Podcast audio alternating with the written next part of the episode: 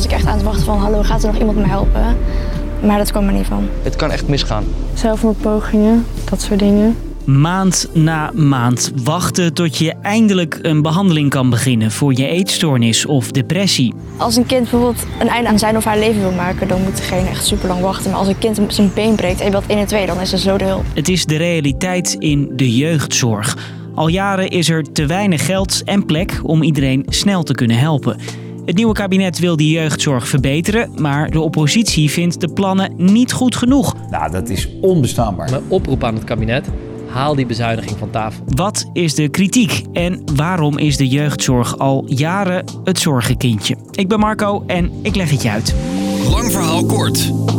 Een podcast van NOS op 3 en 3FM.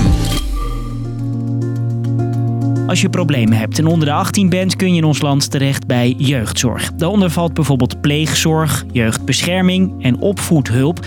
En ook de GGZ, de geestelijke gezondheidszorg, waar je heen gaat bij psychische problemen. Ik heb een eetstoornis. Op dit moment hebben ze borderline gediagnoseerd. Ik ben depressief en 's ochtends wil je je bed niet uitkomen omdat eh, je wil niet dat de dag begint eigenlijk. Jeugdzorg zelf zit al sinds mensenheugenis ook in een crisis. Ze hebben ellenlange wachtlijsten. Dat is een van de redenen dat je sinds 2015 bij de gemeente aanklopt voor hulp.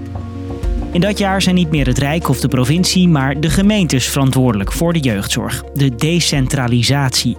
Het idee is zorg dicht bij huis en op maat, dus minder bureaucratische rompslomp. Op die manier moeten wachtlijsten ingehaald worden en de zorg goedkoper worden. De kinderombudsman is vol hoop begin 2015. Wat goed is gegaan, dat alle kinderen en jongeren die voor 1 januari in de jeugdhulp zaten, eh, die worden goed geholpen. Dat zeggen ze zelf, driekwart zegt dat. Maar wie er toen nieuw bij kwam na die decentralisatie, kwam binnen in een bouwput. Ja, eigenlijk is men eh, de boel aan het verbouwen, terwijl de winkel al open is. Maar die verbouwing zou uiteindelijk moeten leiden tot een gloednieuwe, gestroomlijnde en goedkopere jeugdzorg. Maar dat liep even anders. Men kijkt veel meer naar systemen, naar administratieve processen, naar bureaucratische romslomp. Dus die focus moet weer worden verlegd, waardoor we niet over het kind gaan praten, maar met het kind. Dat zei de Sociaal-Economische Raad vorig jaar, een adviesclub voor de regering. Sinds die decentralisatie struggelen gemeentes met de jeugdzorg. En wat je daarvan merkt als je hulp nodig hebt, vooral lange wachtlijsten bij een specialist van de huisarts voor een intake en ook lange wachtlijsten voor een behandeling. Hoe lang heb je het langst gewacht? Zeven maanden, denk ik. Ik krijg schematherapie, maar daar moet ik 8 maanden tot 12 maanden op wachten. Omdat ik geen hulp kreeg, begon het in mijn hoofd alleen maar groter te worden. En sombere gedachten over dat ik niet meer wilde leven. Om die wachtlijsten te verkorten moeten problemen aangepakt worden, zegt de SER. Dit zijn er een paar. Mensen die in de jeugdzorg werken zeggen dat ze zich aan te veel regeltjes moeten houden. Deze werknemer heeft een voorbeeld. Gemeentes die geen verstand hebben van mijn vak, die vragen of we op gaan schrijven hoe vaak we iemand gebeld of gezien hebben. We hebben richtlijnen, maar laat maar alsjeblieft niet elk telefoontje opschrijven. Het, kost, het kost geld. Daarbij komt dat meer jongeren aankloppen voor hulp en er minder personeel is. Duizenden mensen die in de jeugdzorg werkten zijn de afgelopen jaren vertrokken. Onze collega's verlaten massaal de sector.